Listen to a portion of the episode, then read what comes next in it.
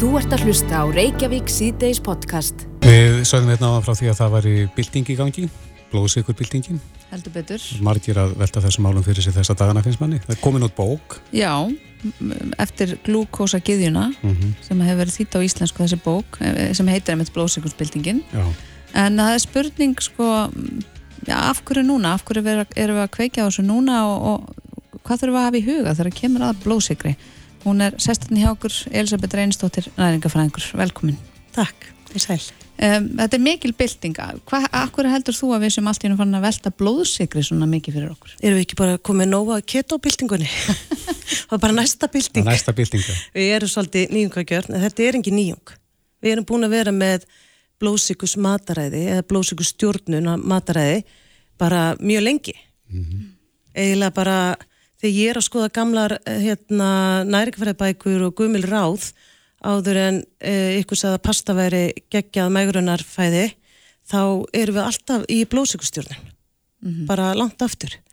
Þannig að þetta er engi bylting, þetta er bara spurning um markasetningu. Mm. Segð, segðu okkur hans, já, hvað er blóðsikur og af hverju skiptir hann svona miklu máli? Blóðsíkurinn það sem stjórnast hefur borðan kolvetni, eins og til dæmis það er álegt að borða hafargrötamótnana, sumifossi serjós, ristabrauð, þessum máltíður á mótnana geta æst upp blóðsíkurinn, sem síðan hefur afleðingu fyrir suma þegar líður á daginn. Þannig að blóðsíkurinn spýtist upp, svo fer hann niður og þú þarft að fylla aftur á. Þannig að þú verður svona með þörf fyrir að fá þig meiri kolvetni. Kemur svona svo kallað blóðsikur fall. Já, það dettur niður á svona tveim tímum eða jafnvel einu tíma og þá ertu fann að fylla á aftur og svo heldur það áfram þannig að þú ert alltaf komin svona kolvetnins þörf og það fylgir þessu líka þreytuköst því að það spýtist upp blóðsikurinn og svo hrapar hann niður þannig við erum alltaf þá að fara að fixa þegar við dettum niður en í staði fyrir ef við myndum byrja morgunin á prótein ríkri maltið og fyturíkri þá fyrir við ekki í þessi, þessi hæp upp og detta svona niður Þannig að við viljum halda okkur einhvers þar í, í milli leiðinni. Já. Eða hafa línuna flata. Já, hvað? svo hefur þetta líka margar aðrar afleðingar eins og til dæmis fytusöfnun þú getur verið að borða fáar hitæningar en kolvetni en sapnað þeim með fytufrumunnar mm að því að við fáum sem að getur, getur hjá sumum að það kalla svona insulín viðkvæmni að þá nýtu við ekki glúkosan eða sigurinn í blóðinu. Og það er að leiðandi fyrir bara í fytufrumunnar það eru alltaf tilbúnar að taka við En, en nú eru kominir á sviði svona blóðsikursmælar fyrir almenning, það getur hver sem er keftir blóðsikursmæling og, Mhm. og mæli og fylgst með þessu. Er, er, Svona síritar. já, bara í rauntíma, bara í læta kofanými og sé bara hvernig blóðsikurinn fer upp og niður eða hvað sem er. Um, er þetta ekki ágætt til svona að halda okkur á móttunni? Já, ég er ekki mjög hrifin að mælum. Bara, mér finnst að við eigum bara að finna jafnvægi. Jafnvægi hvernig við borðum, hvernig okkur líður, hvernig vil ég hafa mataræði mitt þannig að ég hafi orku og sé ekki detta niður uh, í þreytuköst eða fitna litlu. Þannig mér finnst svona mælar, uh, þeir kalla ekki á mig. Ég, mér finnst við eigum bara að hlusta líkamann okkar. En öruglega er þessi mæla fínir fyrir suma en þetta er ekki aðal lausnin í þessu máli. En þú segir að hlusta á líkamann. Hvað, hvernig getur við, hver eru merkin? Til dæmis þessi þreita, borða og þú verður rosa þreyttur eftir máltíðina. Og líka það að sumi koma tími sem að það er kalla blóðsíkus fita, það er þegar við þingju eða sérst fitnum um miðjuna. Fáum bumbu, e, sérst fitan sérst á við magasvæðið og bakið. Það er þá bara ég sé það þegar kunnarnir komið til mín, ok, við erum að fara að tala hérna um blóðsíkurinn. Er, er er, er það blóðsikursbumba? Já, svona hormonabumba sem að myndast við að þetta insulín er ekki að vinna vinnuna sína og við erum að borða og mikið af kolvetnum fyrir líkamann. Svo er fólk að koma til mín, búin að mæla, nei ég er ekki að borða svo marga hiteiningar, akkur er ekki að gerast? En þú ert bara að borða rángar hiteiningar. En ok, gott að vera hlusta á líkamann en stundum eh, einhverjar hlust, hugsa, sem er að hlusta kannski að hugsa en það er svo gott að fá þessa staðfinstingu ef ég er með mæli, þá sé ég þetta bara svart og hvít og þá, þá hef ég svona staðfinstingu á að það sem ég, hvernig mér líður sé rétt. Já, já, jafnvel, það er, það er alveg til í því, en ég er með námskeið þar sem ég kenni blóðsökustjórnuna mataræði og ég bara byrð alla að hlusta og fylgjast með sínum líkama, því að það er engin eins. Og við getum alveg skæpað hans upp í blóðsikri þó séum að borða holt. En við megum þá ekki frík út og segja wow, ég borða hérna eina brausna og allt fór til fjanda sem samt er líðan ágætur. En Hva- blóðsikursmælinni segir annað þannig að við verðum líka aðeins að vera í raunheimum. Í tengslu við okkur sjálf. og bara ja, að tengjast líkamannum okkar. En hvað er það sem að keiri blóðsikurinn upp? Hvaða fæða er það? uh, kolvetni, rauð, kökur, nammi, hafargrautur, Ávextir? drykkir, ávextir gera það líka, já. Það gera, þú veist, það er náttúrulega spurning hvernig er ávextir. Mm Uh, bananar til dæmis eru vestir kannski og ekki vestir, ég vil að fólk bara banana þú veist, þeir bara allavega það getur alveg skæpað upp en yðurlega er það samt svona góðar afleðingar En skiptir ekki máli hvort það séu þá trefjar á móti? auðvitað skiptir máli að þegar ávestir þá höfum við trefin á móti og, þá, og líka trefjar í kvæða þá fer blóðsykurinn hægar eða sykurinn hægar út í blóðið. Það er það sem gerist. En þú myndist á sko havragraut á hann, það var svo havragraut í morgumat. Er það sérst ekki gott? eh, ekki ef þú ert viðkvæmur eða viðkvæm í blóðsykrinum. Þá getur það skæpað alveg upp. Mm þú veist að það getur ítt blóðsykrunum þínum alveg langt upp.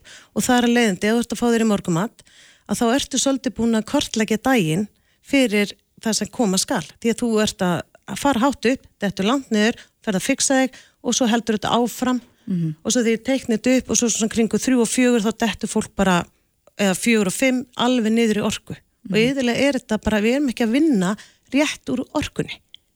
Þannig að uh, það sem þú ert að segja að blóðsikur er ekki eins hjá okkur öllum. nei, Nei. hann er bara mjög misjá En getur verið, eins og talar um að hlusta á líkamannum, við séum kannski svolítið búin að gleyma því, en getur það verið að við séum ekki fábóð frá líkamannum út af því við erum búin að ruggla í hérna efnaskiptakerfinu og blóðsikrunum fram og tilbaka? Ég held ef við bara tengjust aðeins okkar innri manni að þá við finnum þetta. Og ég, þú veist, mér finnst allir segja námskinn hjá mig bara þegar komin liðið aðra viku, þá bara, já, vá, aldrei tekið eftir þess að ég er því svona þreytt á að borða. Aldrei tekið eftir að, að, að ég myndi, þú veist, hérna, þurfa alltaf að fixa mig tveim tímum eftir kolvetnaríka máltíð. Eru mismunandi ráleikingar eftir fólki eða er allir að fá sömu ráleikingarna varandi? Sko ég er með uppskriftir en svo er alveg misint hvað fólk þarf að bæta á sig, að bæta jafnvel aðeins sinn kolvendun til að líða betur. Þetta nefnilega er ekki tækt að, að snýða þetta eitt fyrir alla. Og svo er þetta líka þetta. Ég er að reyna að kenna það að hlusta á líkamann. Og þetta líka við bara með flesta mæla. Og ég hef verið spurðaðið mitt með hafargrautin, er það móti hafargraut? En ég hef komið fólki á að fá, hans, fá sér bara hafargraut í setnipartin. Það er einhvern veginn betra að taka kolvetni setnipartin það hafi ekki eins mikil áhrif þá á kerfið heldur en að vera að byrja mótnana á kolvetnum. Mælur þá með því að fólk haldi einhvers konar matardagbók tengt hvernig því líður þegar það er búið að borða? Klárt mál, já, Aha. algjörlega. Og ég byrða líka oft um það, ég segi það er fyrir þína vitund, ekki mína. Það er fyrir þig að átta þig á hvernig líður þér þegar þú ert að borða, segjum bara hafargröð eða seriós eða ristaða bröstnið og breytu því svo í aðra vikuna. Tökum aðra máltíð og skrifa þá hvernig líður. En tengist þetta kannski svolítið að læra nærast í núvitund? Svolítið, já. Ok. En er það ekki með allt? Við erum svo einhvern veginn, ég veit ekki hvernig að orða, autopilot með bara, erum bara í svona hjarðhegður. Alveg saman því segi ég með þessa bók. Þess, ég er búin að vera með þessi námskeiði núna á þriðja ár, eða fjörða ár. Þess, þetta er engin nýjung. En það kemur alltaf einhvern svona markasetning og þá fer bara einhvern veginn allt á stað. Og það er eins og bara með margt. Og ég segi að við tækjum eitthvað gott úr þessu öllum, öllum þessum uh, hérna, tískubilgjum og, og fyndum jafnvægi þegar það hafa allir eitthvað til sín máls. Það er ekki þúsundir fólk sem að hefur fær árangur í keto eða þessu eða blóðsökur nema eitthvað væri gott við þetta. Og við verðum einhvern veginn einhvern langar bara að lifa góðu lífi og heilbriðu og vera með orku og líða vel, verðum að finna jafnvægið í okkar líkama. Hver er svona besti morgumaturinn fyrir blóðsikurinn? Það er náttúrulega bara egg, til dæmis, mm avokado. Ég fæ mig eða bara kaffi og kollagen og rjóma. Já. Það bara heitur bústdrykku fyrir mig. Já, og það hendar þér. Hendar mér. En það eru sumir sem fá sér eitthvað annan búst sem er þá samt ekki með mikið af kólvetnum. En þeir sem borða ekki morgumat? En það er líka bara allt í lagi. Ef þú borðar ekki morgumat og ert ekki svöngi morgumat, þá segi ég bara, þá er það bara væntalega þín líkastýpa. En það er samt gott að borða eftir ykkur í reglum. Allavega sumir segi ég borða ekki morgumat en eru svo að borða klukkan 2 eða 3 eða 4. en það er gott að hafa þetta samt upp á fái næringu. Já, en, en, en, en á kvöldin, er einhver svona drauma kvöldmatur fyrir blóðsökurinn? Til að þú fallir ekki fristingar á kvöldin. Já. Ég held að það sé að stilla þið af, stilla morgumatin af, stilla hátægismatin af, líta kólunum, fá því svo jafnvel hérna áveisti og þessna keksaði brausneið með áleiki og svo bara góða mor að kvöldmatt og Mm. síðan er helmingurinn að því að kvöldin er eirðalýsi. Mm. Það er tómleiki, við erum að fylla upp í eitthvað, það er ekki allt með blósikurinn að gera að við sem að borða á kvöldin. Og þetta er bara eitthvað sem við verðum aðeins að spá í. Þarf ég þetta, langar mig þetta, hef ég þörf fyrir að fixa mig? Við erum, held ég, flest okkar á kvöldin að borða til að fixa okkur. En hvað tekur þá hérna, afvötninni langan tíma? Ef við erum alltaf að fixa okkur á kvöldin, Já. er búið að, að rannsaka það? Já, ég skal segja það. Það tekur líkamann að snúa blóðsikrunum í rétta átt og þá, þá meina ég að þú minkar kolvettin verulega. Ég er ekki að segja að sleppa þeim, bara minka þau 48 klukktíma. Þannig þú þarfst að vera í 48 klukktíma að fylgja líkamann eftir að hann er bara berjast. Hann er bara heimta kolvetni, heimta nammi sitt, heimta brauði sitt eða sigurinn í kaffið eða hvað það er. Þetta eru, þetta eru aðeins 48 klukktímar. Já, já. Eftir það ert þú bara orðin skipstjóri og þínu eigin skipi. En ef ég stilir rétt að kolvetnaríkur kvöldmatur kallar þá frekar á kvöld næst. Já, kolvetna ríkur, já. Mhm. En það er allt í lagi að hafa kolvetni með máltíðinni. Og svo er líka annað, ef við myndum borða pasta svona eins og það er borið fram á Ítalíu, það er bara pasta með olíu, þá erum við síður að taka upp öll þessi kolvetni sem er í pastanu. En við flækjum þetta svolítið hér. Við erum með brauð með pastanu, við erum með alls konar sósur, alls konar meðlæti, að þetta er, þetta er bara máltíð sem að við líkamenn er bara ekki að ráða við. Pasta og ólífólja, er það? og pasta bara á góð ólíusósa úr ólífóli, það er bara snilt Já, áhugavert, Elisabeth Reynistóttir, næringafræðingur. Takk kærlega fyrir þetta spjall. Takk fyrir mig Þú ert að hlusta á Reykjavík C-Days podcast. Gæja Reykjavík sýtið seldur áfram. Það er mikið og annars slægið alltaf rætt um uh, ungt fólk í vanda. Já, því miður fáum við fleira og fleiri fréttir af því og nú síðast þessi, þessi hræðilega árás í Hafnafyrði Mm og það við, okkur virðist einhvern veginn, já við virðist ekki ná að, að búa nógu vel að börnunum okkar. Nei. En það er fólk sem hefur talað um þennan málflokk uh, árum og áratugum saman og lítið hefur breyst kannski á þessum tíma. Emmitt. Einn af þeim er Davíð Bergmann Davíðsson, hann er stafsmöður fjölsmiðlunar, hann er sesturinn í okkur. Velkomin. Já, komið sæl og blessu. Ég hérna, allan að byrja á því að segja, ég sé ekki nafni fjölsmiðunar, heldur er ég hérna á eigin vögum. En þú þekkir, þú hefur fjölsmiðan, í fjölsmiðinu sérðu náttúrulega ungt fólk og hefur unni mikið með ungu fólki. Þetta er ekki fyrsta sinn sem við tölum saman, við höfum tölum saman í síma og þú hefur ringt hérna til okkar. Um, þessi pistil sem þú skrifar inn á, inn á vísi, Mm. svona í stuttumáli finnst mér eins og já, þeir blöskri svolítið aðgerðaleysi þegar kemur að unga fólkin okkar. Má ég tala tungutæfilegust? Gjör svo vel. Já. Ég kom ekki ræna bólur fyrir þessum aðgerðum sem við höfum verið í gegnum tíðina. Hvaða aðgerir eru það? Allar þessar samþæktingar, átök og bla bla bla sem engu skila. Uh, ég er búin að heyra þennan söng síðan ég byrjaði í útdeldinni 1994 Mhm. Reglulega. Það er ekkert langt síðan að allir fjölmjöla voru undilaðir að umræðum gróft óðbeldi og einelti barna. Og býtu ok, og hvað? Við, það er ekki nema vika síðan eða örfóðu dagar sem það var alvarlegt eineltis mymband í gangi á fjölmjölum á nettemum og hvað ætlum við að gera í þessu? Ætlum við að halda áfram að tala? Ætlum við að halda áfram að búa til starfsópa? Ætlum við að halda áfram að fjölga diplomaprikum í fílabistörnum á baki skrifborð sem að búa til möppur sem að enda í skuffu í barnamála ráðunetinu eða hvað það heitir? Hva, hvað ætlum við að gera? Hvað vilt þú gera? Ég vil, sko, sko, ég, eins og ég segi, ég byrjaði þessu 1994. Eitt flottasta úrræði sem ég séð er PUK, Politics Ungdómsklub. sem ég heimsótti í Danmörku, eitt í Kaupmannafnar, mm 1996. Það gekk út á það að þar voru lauruglumenn að taka þessu svona krakka í áhættu í tilsjón. Það kalla ég forvörð. Út á hvað gekk svo tilsjón?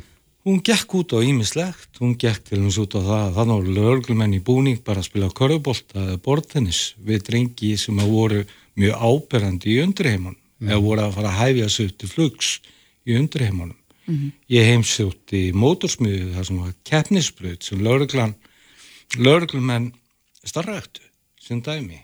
Mm -hmm. Þetta, þetta heit, kalla ég learning by doing. Þetta er þrýðastyks forvörd þetta, við þurfum að fara að hætta þessum almennum aðgerðum alltaf reynd sem gerir hvaða verkum, jú það verður, verður ekki til peningur fyrir lúla og lúlu lúser sem við þurfum ákkurat að halda auðvitaðum. En eins og þetta púk, er mm. þetta ennþá starfægt? Ég veistu það, ég er búin að missa svolítið sjónar að þessu núna en ég er ekki með alveg á reynu en hins vegar þegar ég kom til Íslands eftir þessa ferð þá fór ég að velta fyrir mér hvað get ég gert sem úlingar ágjafi þegar ég var búin að setja hverja yfirheysluna og fætur annari með ungmönnum sem starfsmöðu barnavendar þar sem að börn skinnjuðu ekki afleðingar afbróta mm -hmm. og skildu ekki afleðingar afbróta hvað get ég gert til að breyta þessu og hætt þetta að stilla þeim upp á bakvið skrippborð og rekur þeim gatnirnar. Það virkar ekki. Það er full reynd. Eitthvað svona fræðingatal og ætla sálfræði og bla bla. Hættum þessu. Þú talar um þetta púkverkefni í Danmörku. Mm. Það sem að lauruglum er tóku að sér mm. e, krakka sem að voru svona að, að stíga sem fyrstu skref á gleipabröðinni. Mm. Uh, hvað þarf margast líka, hvað eru margir uh, margt ungt fólk sem að er í þessum spórum og hvað þyrstu við marga lauruglumenn til þess að sinna þessu starfi hér? Góð spurning. Nú myndi ég beina þessari spurningu bara til barnavenda og til lauruglunar og hvernig við ætlum að sinna þessu. Mér langar að koma aðeins aftur að því eftir ég kom heim.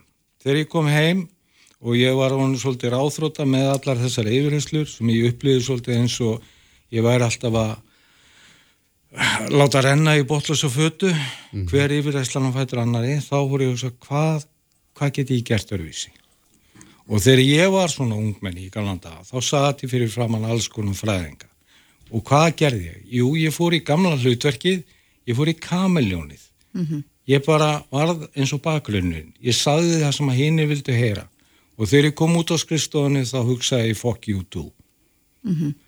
og þá voru ég að hugsa ok Hvað með að fræða? Er það líkinlinn? Já, ég fór í samstarf við lögregluna, slökkulið, sérstaklega sjúkraflutningamenn, lækna, talaði fyrirverandi, fanga og tryggingafélag. Það sem að ég lagði höfuð áherslu á það að þessi börn sem eiga í hlut fái fræslu á vettvangi ekki í skólastofu. Hvernig fræðsla á vettfangi? Ég, ég skal bara taka eitt lítið dæmi. Mm -hmm. Einu sinni, ég var með hópastrákum í einu starfinni hjá mig sem að voru farnir að uh, færa sig heldur betur upp á skaftið, keira réttindalöysir, uh, undri áhrifum og byrjaði að krimmast svona hingað á þoka. Sjálfsmyndið er að bjóðu bauð ekki upp á annað, en þess að þeir voru að hýfa hana upp með einhverjum hætti mm. til þess að tilera. Ég ætla, ég ætla að gefa okkur tvö dæmi. Ég skrifaði þetta í greinin líka.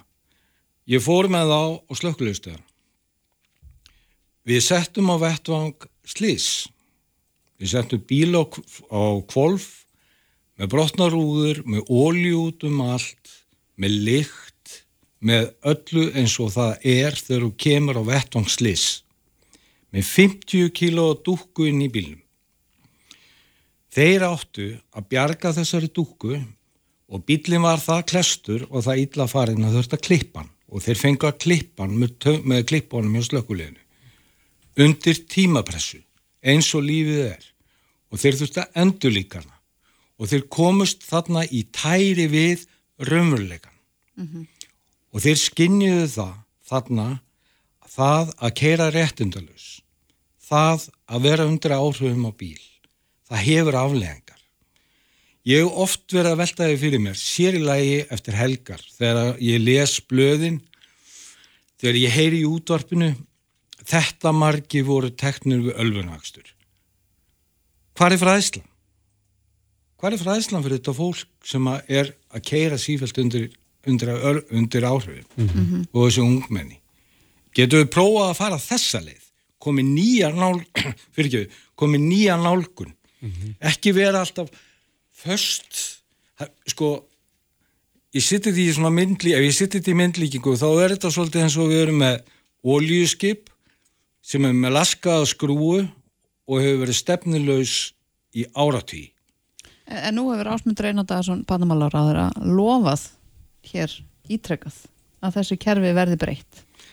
Ég bind mikla vonir við það að hann gerir það en ég ætla að ídreka það og ég ætla að segja það hérna fullu fötum. Ég er búin að senda hvert erindi og fætur öðru inn í velferðanemnd til að vekja máls á því að fara að koma með aðra löngun, nálgun í þessum málflokki. Svörin sem ég fengið, já, frábært hjá þér. Mér gangiði vel, rættu þetta við manniðin eða eitthvað svona á þessu leið. Þegar við erum komin þarna, þá veldi ég fyrir mér, ok, hvað er forgangurinn í þessu samfélagi? Er forgangurinn að setja 2 miljardar í Evrópufund og kaupa 250 jakkaföld og lörglumenn sem standa hérna úti í snjónum eða rigningunni í mæ í tvo daga? Eða er það börnin okkar? Úlingarnir okkar sem er að deyja úr óbjöfumfík í alvörinu þau eru að deyja úr óbíumfík og nú er, nú er með að fara hittni í hamsi og ég er að horfa upp á þetta. Þetta er raunveruleikin og það verður ekkert list með einhverjum samstarfshópum og bla bla bla. Það þarf aðgerðir. Það þarf að setja pening í þetta. Það þarf að gera hlutin að alvöru. Ég er búin að standa upp á kókassa og garga með hásan síðan 1994 anskotin hafið það komum með aðra nálgun í þessum álflokki þetta er orðið gott En það er ég er svolítið forvitin að vita þessir, þú sagður okkur sögu á þann af þessum mm. tveimur drengjum sem voru þú, þið settu á svið þarna bílslis.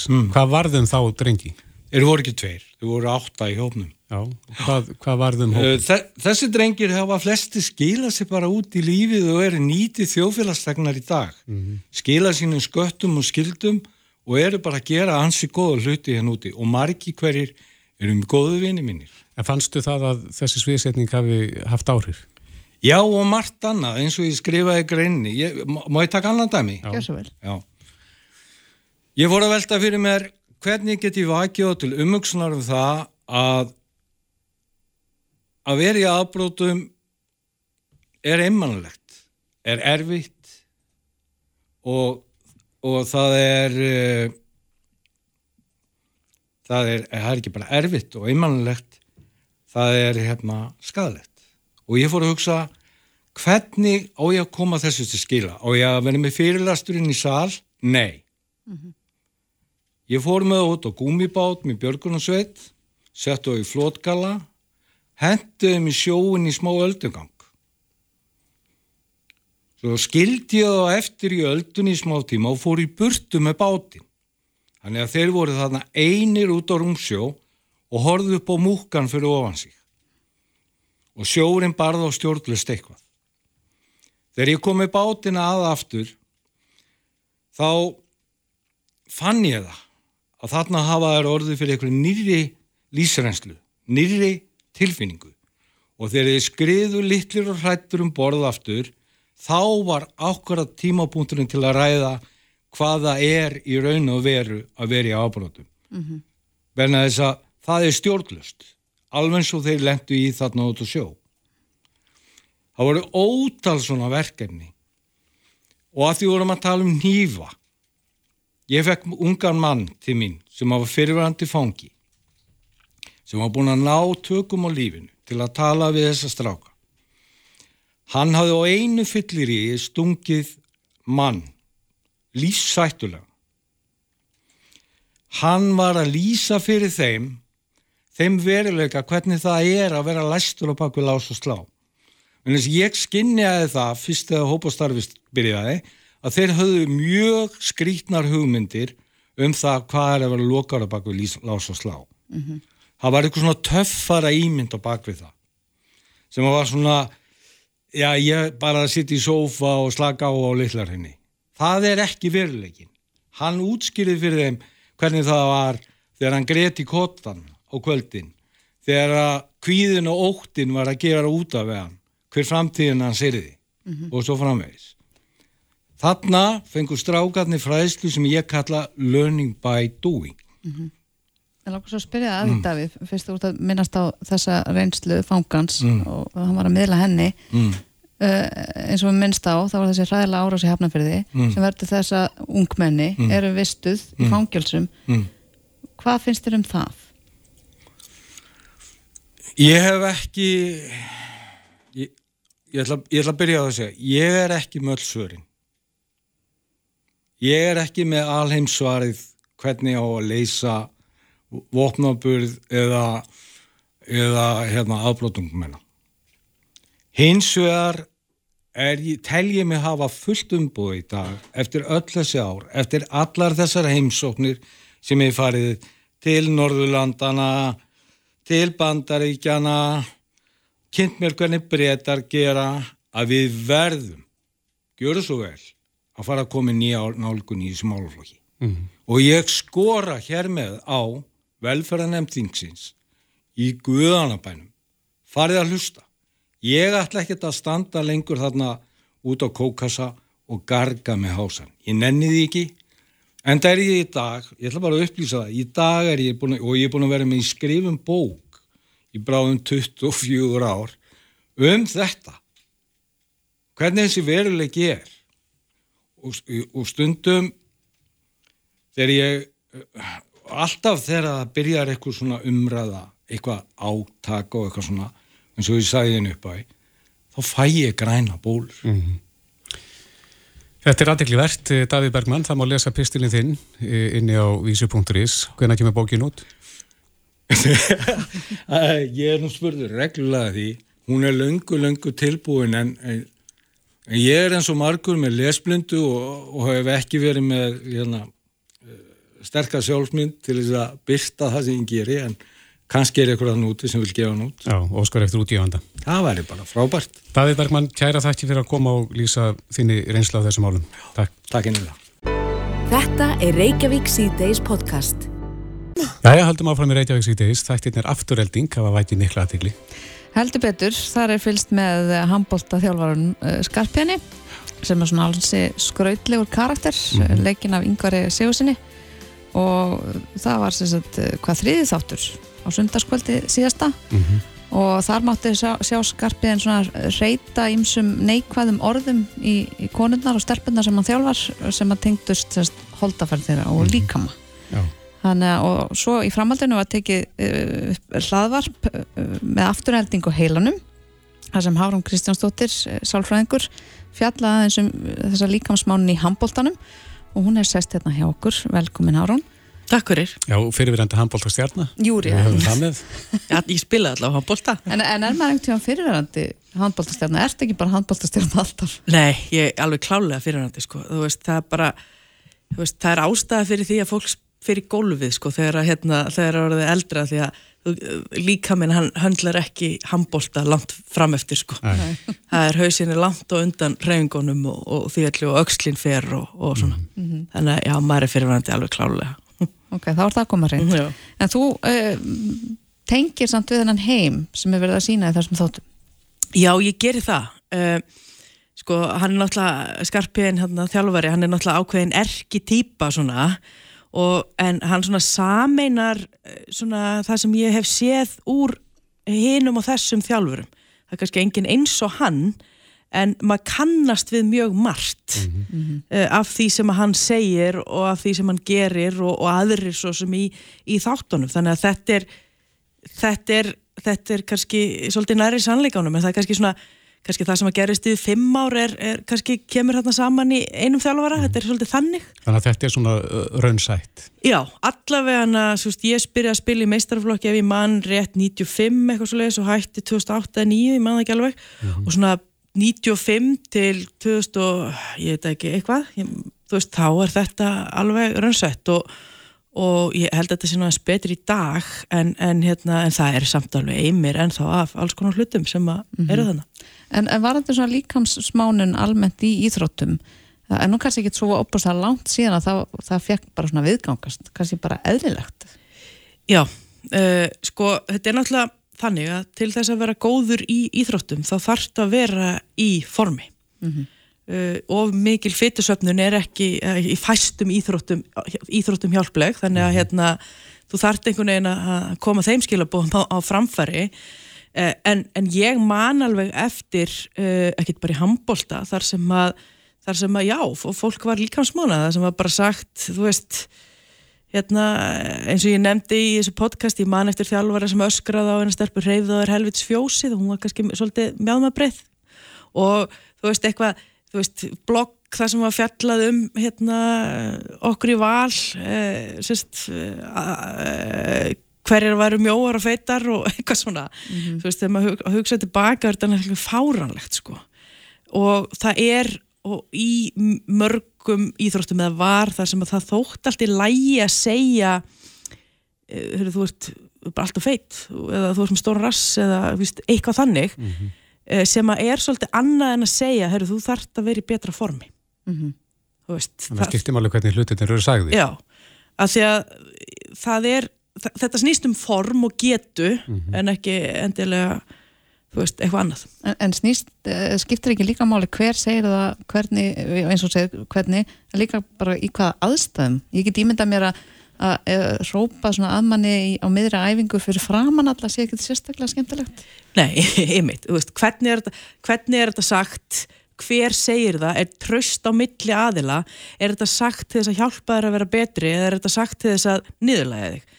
Það er bara stór munur á því auðvitað þurfa þjálfarar stundum að ræða við leikmennum bara, heyrðu, þú kannski þart að vera hans léttari ég menna, mm. langklaupari þú veist, bara upp á nýja og alls konar, þú veist, það er alveg eðlilegt, en það skiptir máli í hvaða samhengi það er sagt uh, hvenar það er sagt, hvernig það er sagt og, og, og svo náttúrulega mitt eins og þetta sé dæmi sem ég tek þetta er náttúrulega bara til að niðurlega fólk mm -hmm. En þetta er hérna aðriður afturheldingu, heldur þetta sé breytt í dag, svona frá því að þú varst upp á þitt besta?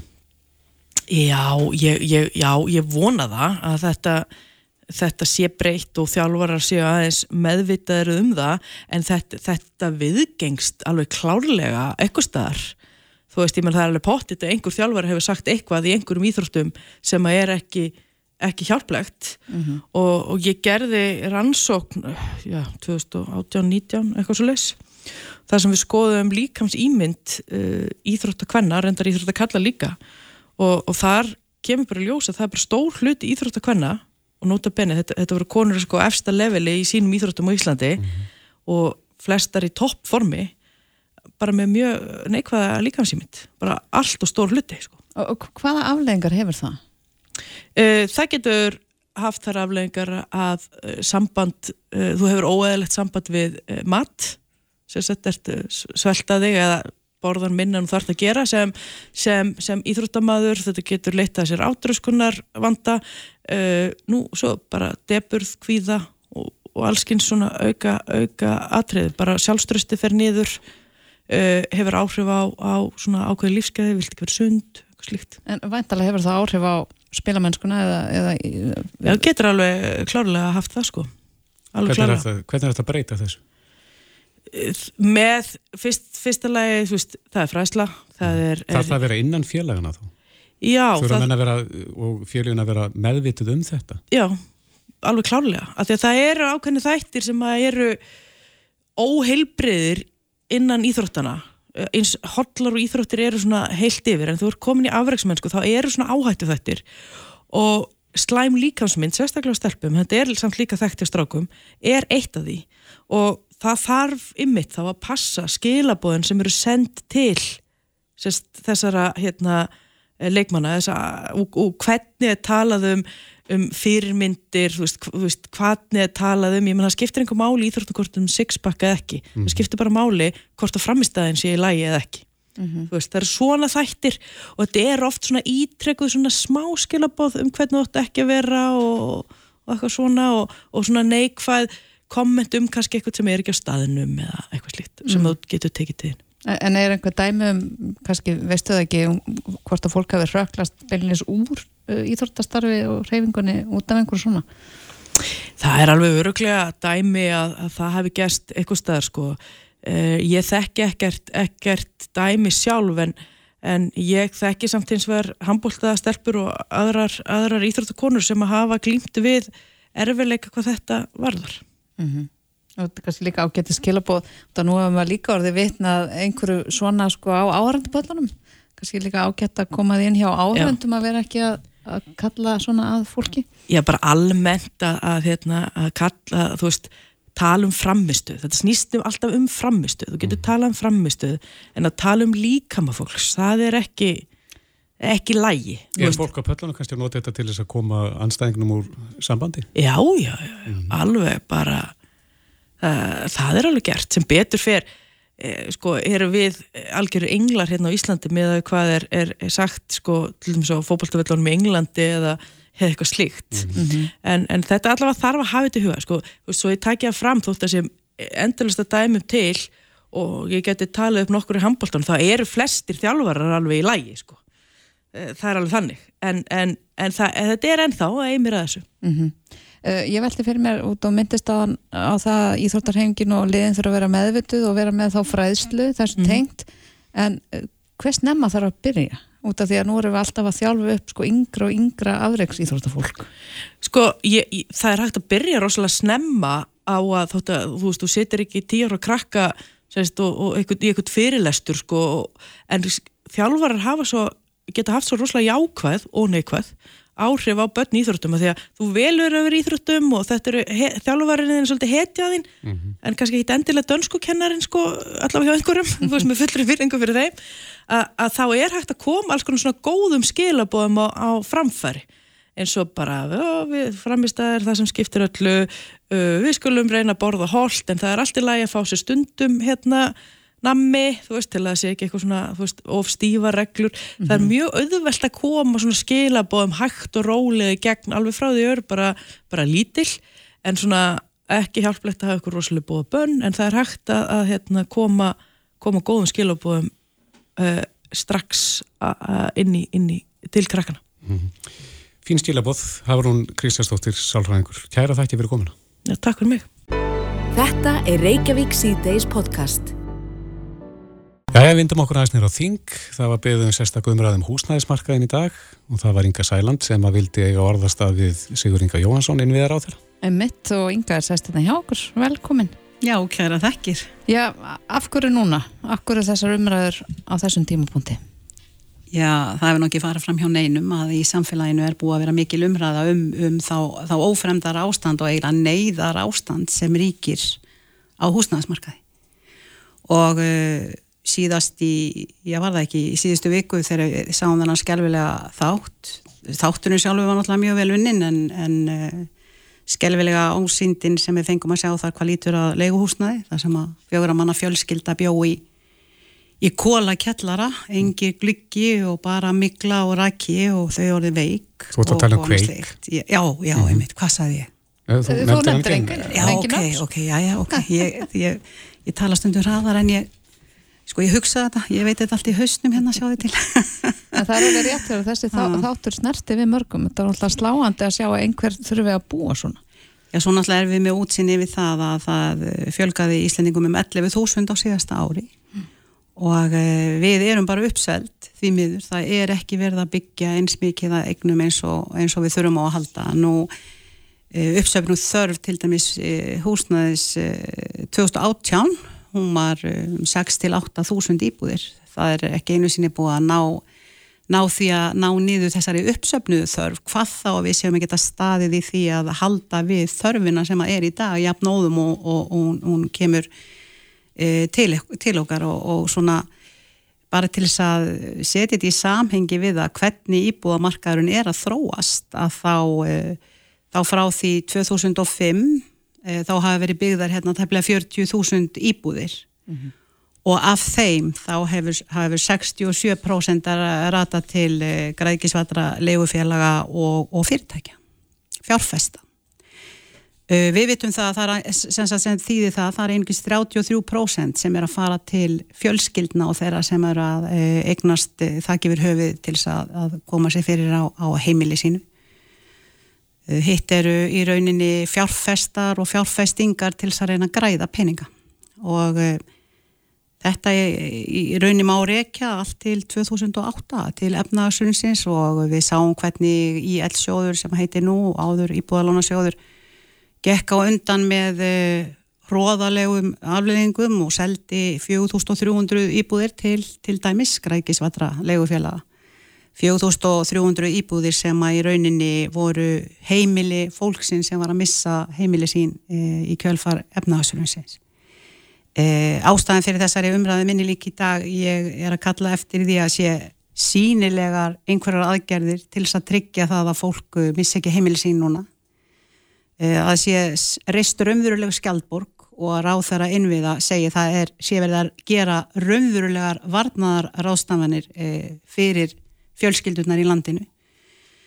En e, í lokin saði nú hæstittur áðra sem að var nú bara er nú alltaf að pressa og, og, og gott að tala við að e, við hérna í stjórnarnastunni sagði nú sérstaklega að við verðumst lifa í einhverjum öðrum heimi. Því að nú sé komin eh, einhver grænbók eða hvítbók, ég man ekki hvernig hún er á litin því þetta eru alls konar bækur sem þeir eru að gefa það er alls konar kjóll sem er verið að klæða eh, umbúð, umbúðnar í sko en uh, minna um uh, aðtapnir mm -hmm. það þarf að bregðast við miklu. Við vitum um Keldnalandi til dæmis. Hvað væri búið að gera fyrir þetta Keldnaland ef að hefði verið byrjað að byggja og undibúa það að koma með nýtt hverfi? Það er eins og þegar við reistum breyðhóllskverfið eða grafóskverfið eða eitthvað. Það er ekkert eins og þetta sé að gerast í dag. Að þessi þörf að hún sé e, e, einhver, einhver ný vísindi sem að allt í einu þeir eru að átta sig á í dag alls ekki, þetta hefur verið fyrir séð að vísu, að vísu fordamalauðs fjöldi einstaklinga sem leitaði sér hér að vernd e, á síðastlinu ári og, og virðist halda áfram. Það er að sækja hér um alþjóðara vend fleiri aðilar heldur en til dæmis í 5 miljónar samfélagunum hér í kringum okkur, hér á Norðurlöndunum. Þannig að það er, uh, Ísland, eins og ég sagt, Ísland er uppselt á fastegnamarkaði og, og um, þannig að það er úvendu að ráða. En varandi það sem þú sagði ráðan, uh, skjaldborg utanum þá sem að sjá kannski fram á það að geta ekki borgað húsnæði sínu eða borgað mm, leigu, mm. höfum við einhverja tilfinningu fyrir því hver stór hópur er í hættu? Já sko nú veitum við það að 4500 heimili eða, eða skuldsett heimili sem eru með eh, þessi svo kalluðu óvertriður lán með þessum förstu vöxtun sem koma til endur skoðunar á einhverjum x tíma, þryggja ára fresti flestara. Það eru 4500 slík lán sem koma til endur skoðunar núna á þessu ári. Það sem greiðslubyrði eh, þeirra mun minnstakosti tvöfaldast og sennilega meira. E, það er í rauninni þegar að verða að tala um þetta eins og í húsnaðisumræðin í dag þá segir bara hérna ráþennan okkar góði Sigurður Ingi Jóhansson að það sé alveg rétt, hann viðkenni það að ástandi sé í rauninni að vestna núna og það er þarna ákveðin hópur sem að þurfa að fá aðstóð og bankarnir verður bara að gera svolítið hjálpa þessu fólki og bankarnir eigi ekki að taka þeim heimilinn ég Ég hef nú bara sjaldan heyrt annað eins en það er nú allt í lagi vegna að ég hef aldrei gett að sé það að bankarnir væri með eitthvað sem heiti hjarta. Mm. En Inga, þessi máli er ekkert allt og oft til umræðu á þingi. Af hver er það? það Eins og þetta er nú mikilvægur partur í samfélagin okkar. Það, ég, vei, ég ger mikið grein fyrir því. Það hafa nú nokkur sinnum komið upp uh, sérstakar umræður einmitt um húsnæðismál og við til dæmis í, í flokki fólksins uh, Uh, höfum alltaf haft þá til dæmis okkar stefnusgrá að tala fyrir því að koma hér á uh, betra félagslegu kerfi, verkamannabústaði kerfi sem að var eðilagt í rauninni og, og svo líka þetta svo kallega kauplegu kerfi eins og við þekktu það á árum áður. Það búið að eðilegja þetta allt saman. Það er verið að græðgisvæða þetta allt saman það er verið að koma þessu meira og minna í fangið á, á, á hagnaðadrifnum uh, legufélagum eða eða fjárfestum sem að sjá haksin í því og þeim er nákvæmlega sama við munum eftir því hvað gerðist núna fyrir jólinn hjá Ölmu leigufélagi þegar öryrkin hún Brynja uh, sagði sögu sína þar sem að leigan hennar átt að hækka úr uh, hvað hún var komin í 250.000 krónur og þeir ætlaði að hækka hann á einu bretti um 75.000 krónur í 325.000 krónur. Það er ekkit verið að spyrja um, um það hvernig, hvernig í rauninni félagsleg, eh, félagsleg aðstafa einstaklingana er. Það bara ráðist fram, annarkort hefur efna á að borga leiguna eða þú pillaði bara út. Okkur er alveg sama hvað með mörg börn, okkur er alveg sama hvort þú hefur efna á því eða ekki og það sem við erum að sjá að þetta er, eh, þetta er bara hreinlega hengingaról spurningin er og ég, að, ég, ég vildi fá að vita það og ná því fram út úr þessari umræðu í dag um, um stöðun og húsnæðismarkaði ætlar innviðar á þeirran að skera fólkið úr snörun eða á að hengja fjölskyldunar og eiga þar að lenda í því að vera borðnar út á götu hér í, í þúsundavís eins og eftir efnagsrunni. Og frekstu svörðu því? Já, hann bara segir við búum í öðru, öðrum heimi og hér sjáum við náttúrulega hann að bara skrattan í öllum hotnum, uh, þannig laga séð, þann, það voru kannski ekki orðalagið en meiningin var svo að mm hér værum við bara að tala um það að þúsundir eh, heimilegir þú sett á uppbóð og annars líkt og hann sér ekki þetta hann sér þetta ekki í kortunum En þarf að koma böndum á þessi leigufélug? Já, það þarf að koma á leigubremsu, það þarf að koma á þakki við vorum með breytingatillögu einmitt við, við bandormin núna fyrir jólinn, þar sem við fórum fram á það að er þið sett eh, leiguþak og það er þið bara miðað við uh, vikmörk sælabankans Öfri vikmörk Sæðalabankar mætti bara alls ekki hækka leiguna meira en sem nefnur viðmiðunar, verðbólku viðmiðun Sæðalabankans, bara alls ekki meira.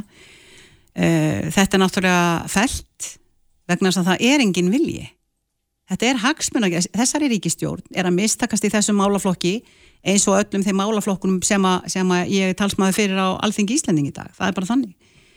Og það er bara sárgrætilegt til þess að vita. Við gætum verið búin að gera svo miklu, miklu meira og svo miklu, miklu betur og ég veit ekki til þess til dæmis að sé verða að reyna eitthvað að, að semja við lífið í sjóðuna um að láta eitthvað af, af þeim lögþvinguðu fjármunum uh, sem að þeir eru búin að fá í sinn kassa eiga á 7.000 miljardar, þeir eiga á 7.000 miljardar lífið í sjóðunir og það var bara, bara 1% hugsa ykkur, bara, þeir myndu setja 1% í það að að aðstóða okkur uh, í, í þessum málum. Og það er eins og við höfum alltaf talað um að sveitafélög, lífyrirsjóðir og ríkisvaldið verða að koma af því að tryggja það gefur höfuð á fólkinu, fæði, klæði, húsnæði. Einhver hefur einhvern tíma neitt með segja það áður.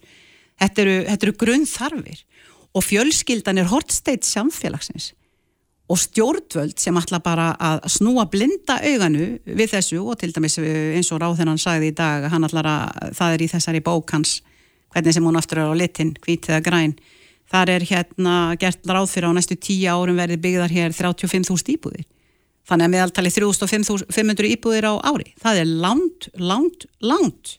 Þetta, þetta er ekki alltvelt áður en það kemur til framkvæmda.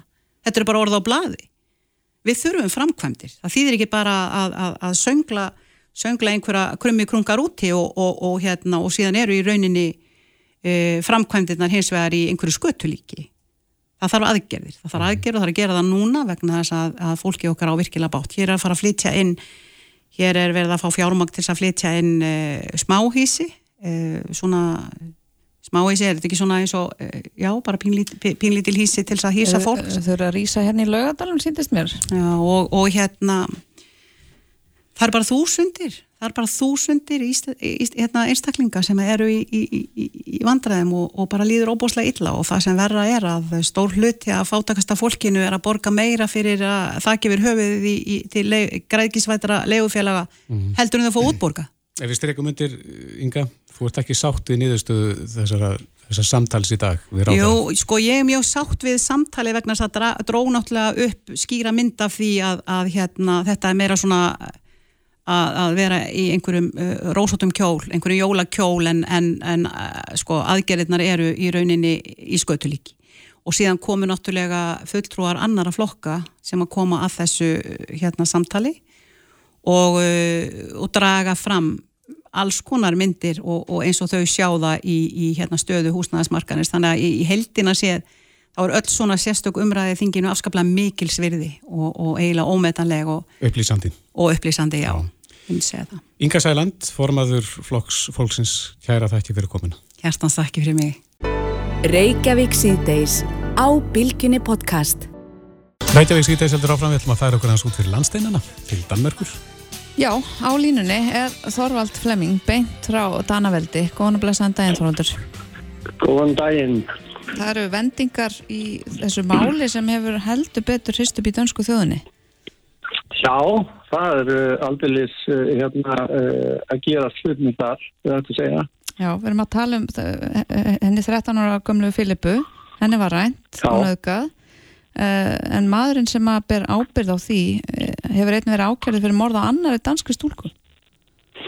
Já, hann er reyndar ákjærðu sko fyrir uh, morða á annari dansistúrku sem að uh, hvarf eða týndist eða uh, 2016 í júli það ár uh, og var saknað þá í, í hálft ár fannst síðan í, í desember. Og, um, og hefur uh, aldrei verið fund út úr því hvað gerðist með hana í rauninni. Og, en það er líka mál frá því í nóvember á síðast ári það sem að var 15 ára stelpa sem að um, hann er ákjærður fyrir að hafa uh, ráðist að, reynda nöðga og ræna og hóta henni með hníf en hún náði að berjast á móti og, og, og komst undan. Já, já. en það var heldur ekki búið að finna í hver, uh, hver það var. En hann er ákjærður núna í þremur málum. En eftir að hann var handekki fyrir ránið á Filipu þá uh, vildu aðstandendur uh, hinnar stúlkunar sem að hann er ákjörðu fyrir að hafa myrt núna að þessi mál yrðu skoðuð saman. Já, það kom bara mjög fljótt uh, frá þeim að, að þau vildu að þetta hefði skoðað uh, um, og, og það var farið í það og, og svo- það liði nú ekki margi dagar þangar til að, að að komi ljós að þeir eru fundið þarna bíl í, í Slovakíu sem var líst eftir þarna 2017 ári eftir að þessi stúlka uh, týndist já, týndist þarna og hálfu ári eftir að hún fannst uh, látin uh, og þessi meng stelpa. Og það er aukutæki sem að, að sástu það ekki nágrinni við staðin þar sem að hún hvarf.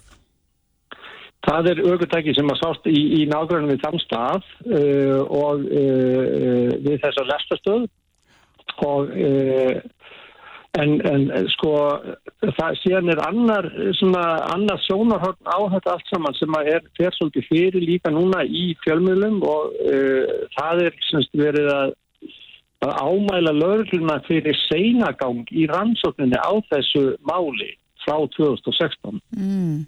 og uh, að þeir hafi uh, og lauruglan var til dæmis uh, þá frammi og, og, og hjælt því fram í, í langan tíma. Það væri ekkert sem benti til þess að það hefði verið neitt sko sagnænt uh, þar á ferð. Uh, fangaður fundana síðan.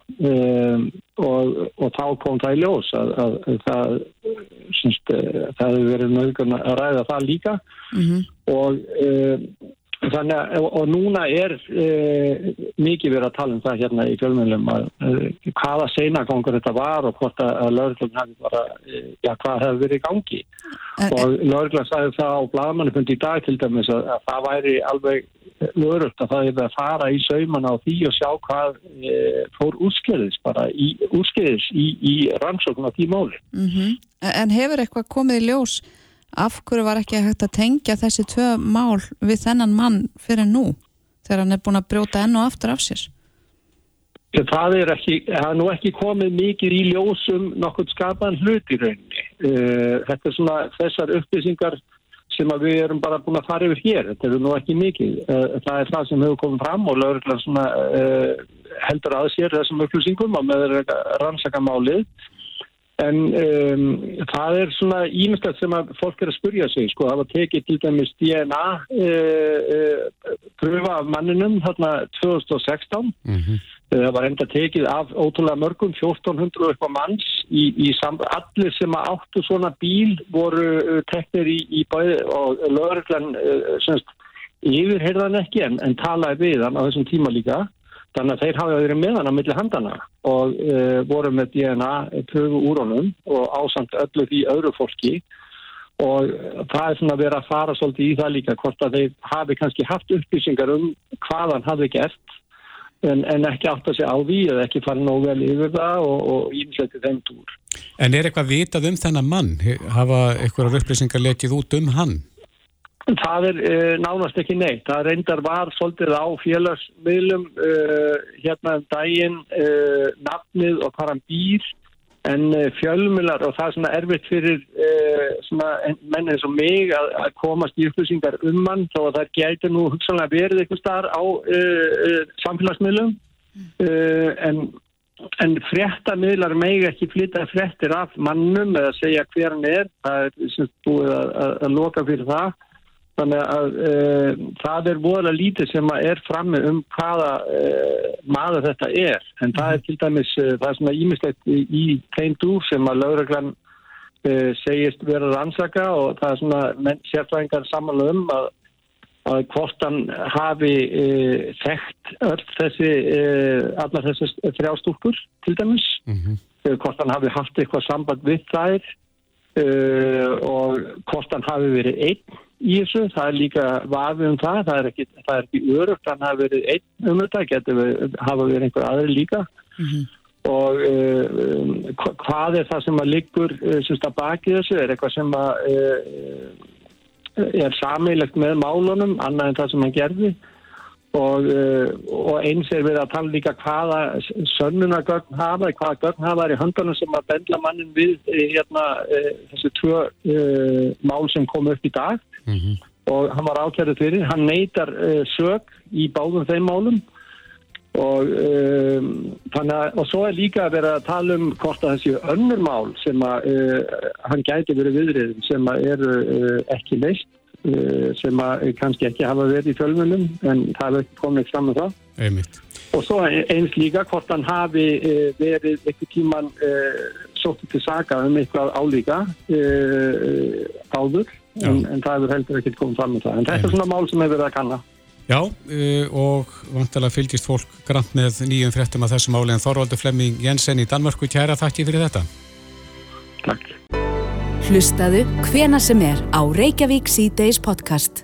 Já, þá er klukkan 6 myndi gengin í sjö og við ætlum aðeins að fara í fréttir af þessum þarflausu uppfletningum í Livjagátt í apotekum. Það er hérna fréttin á rúf.is um að þessum uppfletningum hafi verið vísað til lauruglu og í þessari frétt kemur fram að, að fréttastofa hafi heimildi fyrir því að uppfletningar hafi átt sér staði sama apoteki Livju og þar hafi verið eh, þjóðþögtum einstaklingum flett upp e, á tólmána tímabili nokkrum, sérst, nokkrum einstaklingum e, flett nokkrum sinnum upp á Mhm. tólmána tímabili Einmitt og í þessari fréttir er mitt rætt við Rúna Haugstóttur, Kvanberg, fórstjóra lífastofnuna sem að segir að breyta verði aðgangi að þessari lífjagátt. Já, það er spurning hvernig er best að gera það hann er sestjörni hjá okkur, Ingi Steinar Ingarsson hann er sviðstjóri hjá Embætti Landlæknis, velkomin Takk fyrir það. Já, hva, hvaða breytingar þarf að gera? Ertu sammála Rúnu með það að það þurfa að endurskoða þetta kerfi? Já, já, við Rúna erum alveg samanlega það að, að það þarf að uh, setja þennan aðgang þannig að hann sénir á einstaka starfsmenn. Þetta er þannig í dag að, að lífjabúðirnar eru með svona einn aðgang hver lífjabúð þannig að þegar að vera flett upp í lífja ávísanagáttinni þá vitum við að það er þessi lífjabúð sem var að fletta þessum einstaklífu klukkan þetta þennan dag en það þarf í rauninni að fara í ákveðinu svona rannsóknarvinnu innan apoteksins, fara í vaktaskema, sko, öryggismyndavilar eða einhverju slíkt til þess að geta síðan átt að sá því nákvæmlega hvaða starfsmæður það var sem var að fletta upp, en þetta er allt loggað en, en það sem við viljum í rauninni að sé verið að gera þarna er að hver starfsmæður sé loggaður inn í tölvukeri livjabúðarinnar á sínu nóðundunafni, sínu leikilorði þannig að sé hægt að vita nákvæmlega hver gerir hvað. Er ekkert mál að koma því þannig fyrir? Þa- Sko, livjáðsannagáttin er tilbúin í þetta. Það er sem sagt í, þegar að vera að kalla í gáttina þá er hægt að senda kennetölu starfsmannsins með. Þannig að við erum í rauninu bara tilbúin þegar að uh, apotekin eru í rauninu tilbúin til að, breyta þessu hjá sér. Við vorum einmitt að tala um þetta áðan að þú fer bara í næstu fatabúð og þar stimplar starfsmæður sig inn þegar hann ætlar að afgreða flík eða eitthvað slíkt. Já, já, og veitingastöðum eru þjónar með bara kort sem þeir uh, veifa fyrir framann, sko. Jú, jú, og þetta er, en það er talsvert uh, sko langt síðan að svona þetta umhverju var sett í lög með lifja ágæðslutnar og það, það er, það er komið svona 7-8 ár síðan og þá kannski var þetta aðeins flóknara og apotekin lögðist gegn því að þetta er því gert á sínu tíma. Af hverju? Það væri bara flóknara að fyrir þau að halda utanum þetta allt saman og það er verið að samnýta tölfur og svona, þá voru menn kannski ekki komið með þessi eins mikið þessi svona snerti lausu kort og þú þurftir að þá að tefur afgriðslu eða tefur eða þú þarfst að fara að slá inn langt í ekki lorðu og eitthvað svona inn þegar þú ert að fara í tölvun í hvers skipti. Já, en nú er tæknin komið lengra. Já, já, þetta álega verið að auðvelt að gera þetta og, og, og, og víða á spítulum og svona þar er í rauninni búið að vera í 30 ár. Veist, það er, það er engum það er engir starfsmenn á eins og á landsbítalunum verið að samnýta einhver uh, nóðunöfni eitthvað þannig bara síðan að ég byrjaði að vinna fyrir 30 árum í þessu, þessum bransa sko. En uh, varandi þe- þessar upp, uppflettingar og að breyta þessu kerfi, hvað tækir það langan tíma ef að allir eru á sama máli? Sko ég veit að, að það er, það er sagt nokkur tölvukerri sem að mismunandi apotekskeðjur er að nota en ég veit að einn af þessum aðalum sem að skaffa þeim kerfi er byrjaður að undirbúa þetta þannig að þetta sé ég ætla svo ekki að lofa einhverju upp í ermina á, á apotekunum sko en, en eins og ég segi, við erum tilbúin bara þegar þau fara að, að setja þetta inn í kerfi hjá sér þá er lífsega áherslu gáttum bara tilbúin til að taka móti mm -hmm. kennutölu starfsmannsinn sko þetta er svolítið, þetta máli er svolítið að ofinbera veikleika í kerfinu. Já, og, og þetta er kannski svona það sem við vorum að benda á sem vorum í þessari reglugjörðavinnu og lagavinnu fyrir 7-8 árum að þá vorum við, vildum við fara þessa leið og, og í laugin þá var sett ákveðin gulrót fyrir lifjabúðunar það er sem sagt er í dag þurfa að, prenta út lifja afgriðsluna og síðan erum starfsmenn í hverju lifabúði eða sem sagt fyrst er að lifafræðingur sem tekur til lifin og hann skrifar undir. Síðan sá sem er yfirfer, hann skrifa líka undir og sá sem afgreðis við sjúklingin, hann kvittar, hann hafa afgreitt og fengið hjá okkur skilríki og allt þetta. Og, og það er rauninni var sett inn þá heimild fyrir því að þeir þyrst ekki að geima þennan pappir ef að það væri sem sagt loggað nákvæmlega hver er að gera hvað bara í tölvukerfinu.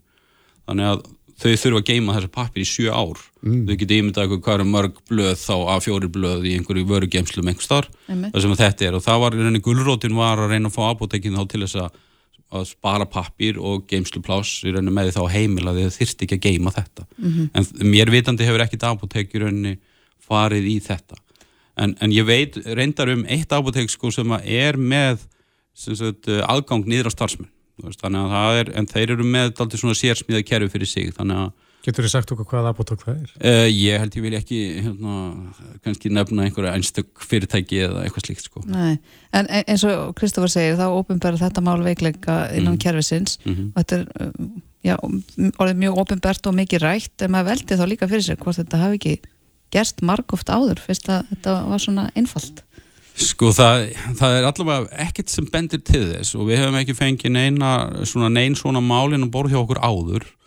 Og, uh, og það er í rauninni sko, já það, það er ekkert svona sem að og það, það eru, við höfum verið að tala við apotekskeðuna núna síðustu vikurnar og, og það eru það eru trúnaður yfirlýsingar sem hver einsast starfsmæður skrifar undir og reglur sem að þeir viðgang, eða sem sagt gangast undir þegar þeir skrifa undir ráningasamning og allt þetta, þú veist þannig að það er sko umhverfið er alveg þannig að það er verið að hugsa um þetta, þetta er ekki bara eins og þetta að liggja einhvern veginn fyrir hunda manna fótum þannig að bara allt opið sko, það er alls ekki þannig, hugsunin hjá apotekunum er alls ekki að þetta, þeir meðhandla þessu upplýsingar mjög að mikil í virðingu sko. en það hlýtur að vera óþægilegt fyrir starfsmenn apoteka og núna liggja einhvern veginn Mhm. svo margir undir grun já, já. Já, já, og þe- þetta getur verið óþægilegt og, og ef það er mjög langur lí, tími liðin þá getur verið búið að eða einhverjum upptökum og örgismyndavélum og öðru, veist, þannig að þá er þetta óþægilegt, já, algjörlega. Mun embætti landlagnis uh, setja pressu á apotekin að kippa þessu liðin? Sko það er, það er daldið svona snúið í þessum, sko í lífjörlögum er talað um að sko að meðferð persónu upplýsinga í lífi ávísinu gátt eða fara persónundalögum og, og, og það er henni persónuvenn sem ber ábyrð á eftirlitinu með því.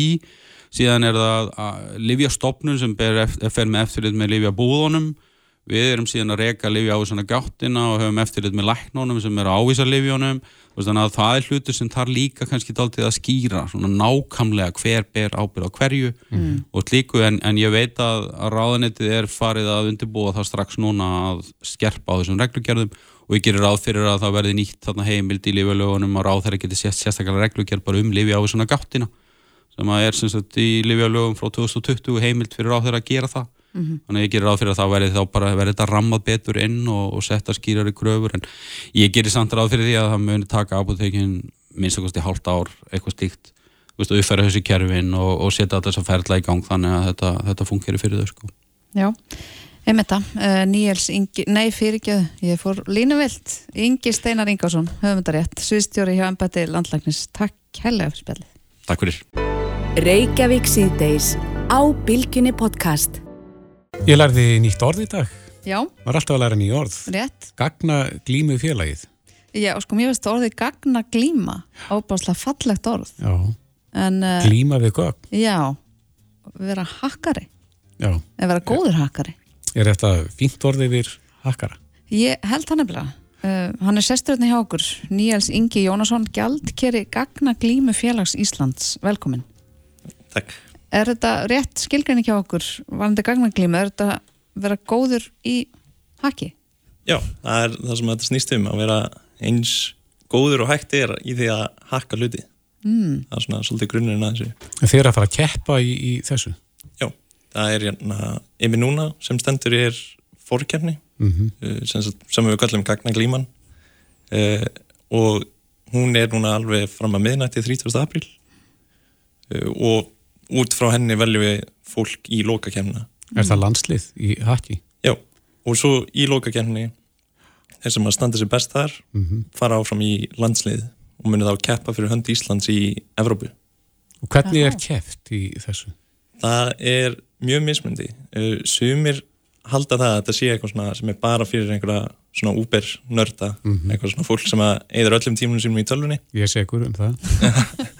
Uh, en það geta í rauninni allir verið hakkarar því að það sem að gerir hakkara góðan er bara að hugsa út fyrir kassan í rauninni. Mm. uh, og í þessum keppnum eru svona það eru margir mismundi flokkar það eru hlutir uh, það eru flokkar þar sem brjótast inn á vefsíður, brjótast inn í síma og það er kannski svona aðeins tæknilegra, en svo eru líka svona hlutir eins og veist, hérna er mynda mannesku, hvar í heiminum er hún eða það búið að brjótast inn á þetta gerfi, hvernig var það gert eða uh, brjótast inn í hurð með því að pikka lás Mm. það getur verið hvað sem er í rauninni Já. Þetta er svolítið sko, hljóma spennandi en nú vitum við náttúrulega að það er fjöldi fólks að núti sem notar þetta í slæmum tilgangi um, en er samt kannski gæti verið gott að hafa hakkara með sér í liði innan fyrirtækja til þess að svona geta einmitt hugsa út úr bóksið og kannski lesið hvað vondi hakkarinn ætlar að gera Fundi veiklikana? Já, Já, það er bara sjúklega mikilvægt. Ég er með starfa við það. já, Þannig að það er fólk sem er duðlitt í þessum keppnum getur einmitt mjög léttilega að fengi vinnu við þetta því að það er alveg gríðalegu skortir á fólki í þessum bransa. Og hvað er vinnur við þetta? Uh, ég starfa eins og ég er hjá amerísku fyrirtæki sem heitir Lacework Mhm. og vinn þar við það að gera vöruna þeirra að öruga með því að hakkana. Uh, en áður en ég var hjá Lacework þegar var ég hjá íslensku fyrirtæki sem heitir Syndis Mhm. þar var ég bara ráðinn til þess að brjótast inn í íslensk fyrirtæki með því að, og þannig finna veikleika og hjálpa þeim að laga þá. Er það ekki svolítið spennandi? Það er sjúklega spennandi, það er, það- en það er er það skemmtilegast sem maður gerir. Já. Það er mjög sveðuvilt. Uh, stundum fekk maður fyrirtæki sem var með mjög öfluga deild, Mhm. bara af hakkurum hjá sér og þá þarf maður að finna hlutina sem þeir mista af, sem getur verið sjúklega erfitt, en svo fær maður kannski smæri fyrirtæki og það er ofta svona aðeins léttara skotmark. mm. En, en, hvað lærir maður þetta? Uh, eins og er eru ekki margir staðir það sem er hægt að læra þetta maður þarf svolítið bara að kenna sér sjálfur eða taka þátt í keppnum eins og gagninglifinni uh, það er, minnst, þannig lærið ég þetta það er besta leginn til að læra, það er bara keppa, keppa, keppa Mhm. uh, því að þar færðu alltaf að sjá hluti sem að er að gerast í raunheimum Mm.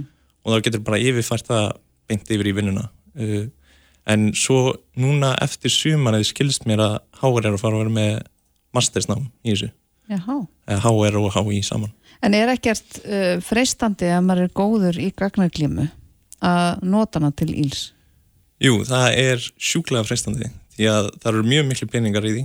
Það eru miklu peningar í þessu ef þú ert með gott segðferði, ert réttu megin við línuna. Mhm. og það er ennþá meiri peningar hinum megin við við erum að tala um sko miljónir dollara þannig að það getur verið mjög freistandi að vera vittlust megin við línuna Mhm. en á móti kemur þú færði allan um pening en þú þarfst alltaf að líta yfir öxl því það er alltaf einhver að fylgjast með þér Er, er eitthvað um það að menn skiptum lið? E, já, það er mjög algengt uh, í báðar áttir um, En er mikið eftirlit með ykkur þá? uh, hakka glímu köpunum? Næ, Gagna glímu köpunum, ætla ég að segja.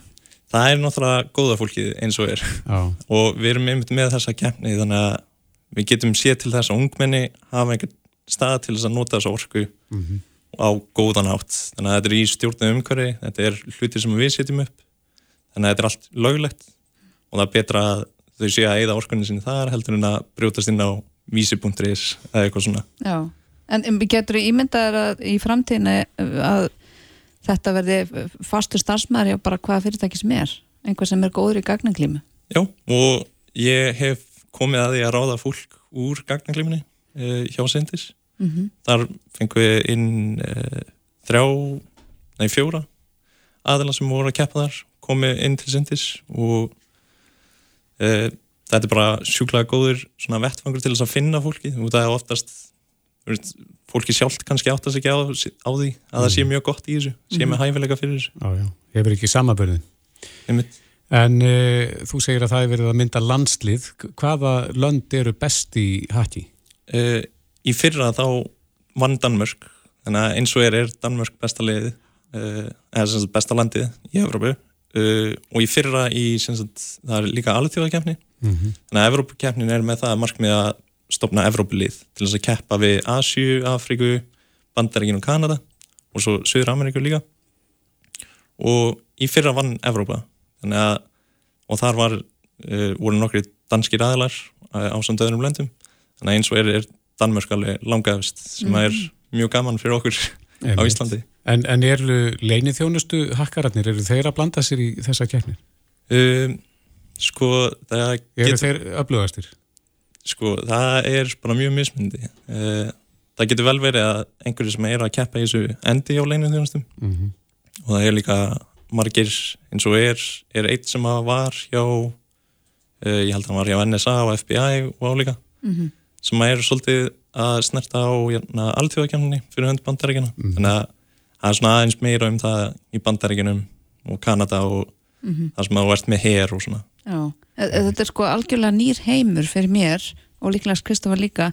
Um, hver er, hvernig fólk er að keppa til dæmis í þessari fórkeppni ykkar? Er, er, er þetta einhvern svona einn típa er þetta bara alls konar fólk?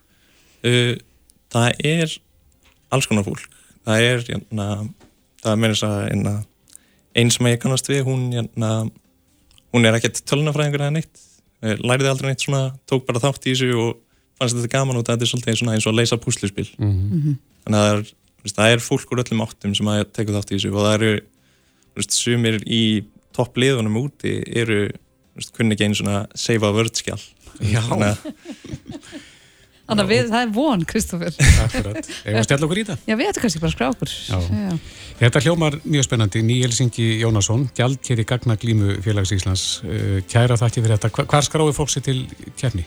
Uh, eins og er á ggc.tf Mhm. uh, það er hægt að taka þátt það, hún er opin öllum en þeir sem eru 25 ára og yngri uh, eiga kost á því að geta tekið þátt í loka Já. Einmitt það, Kæra já, þakki fyrir komuna.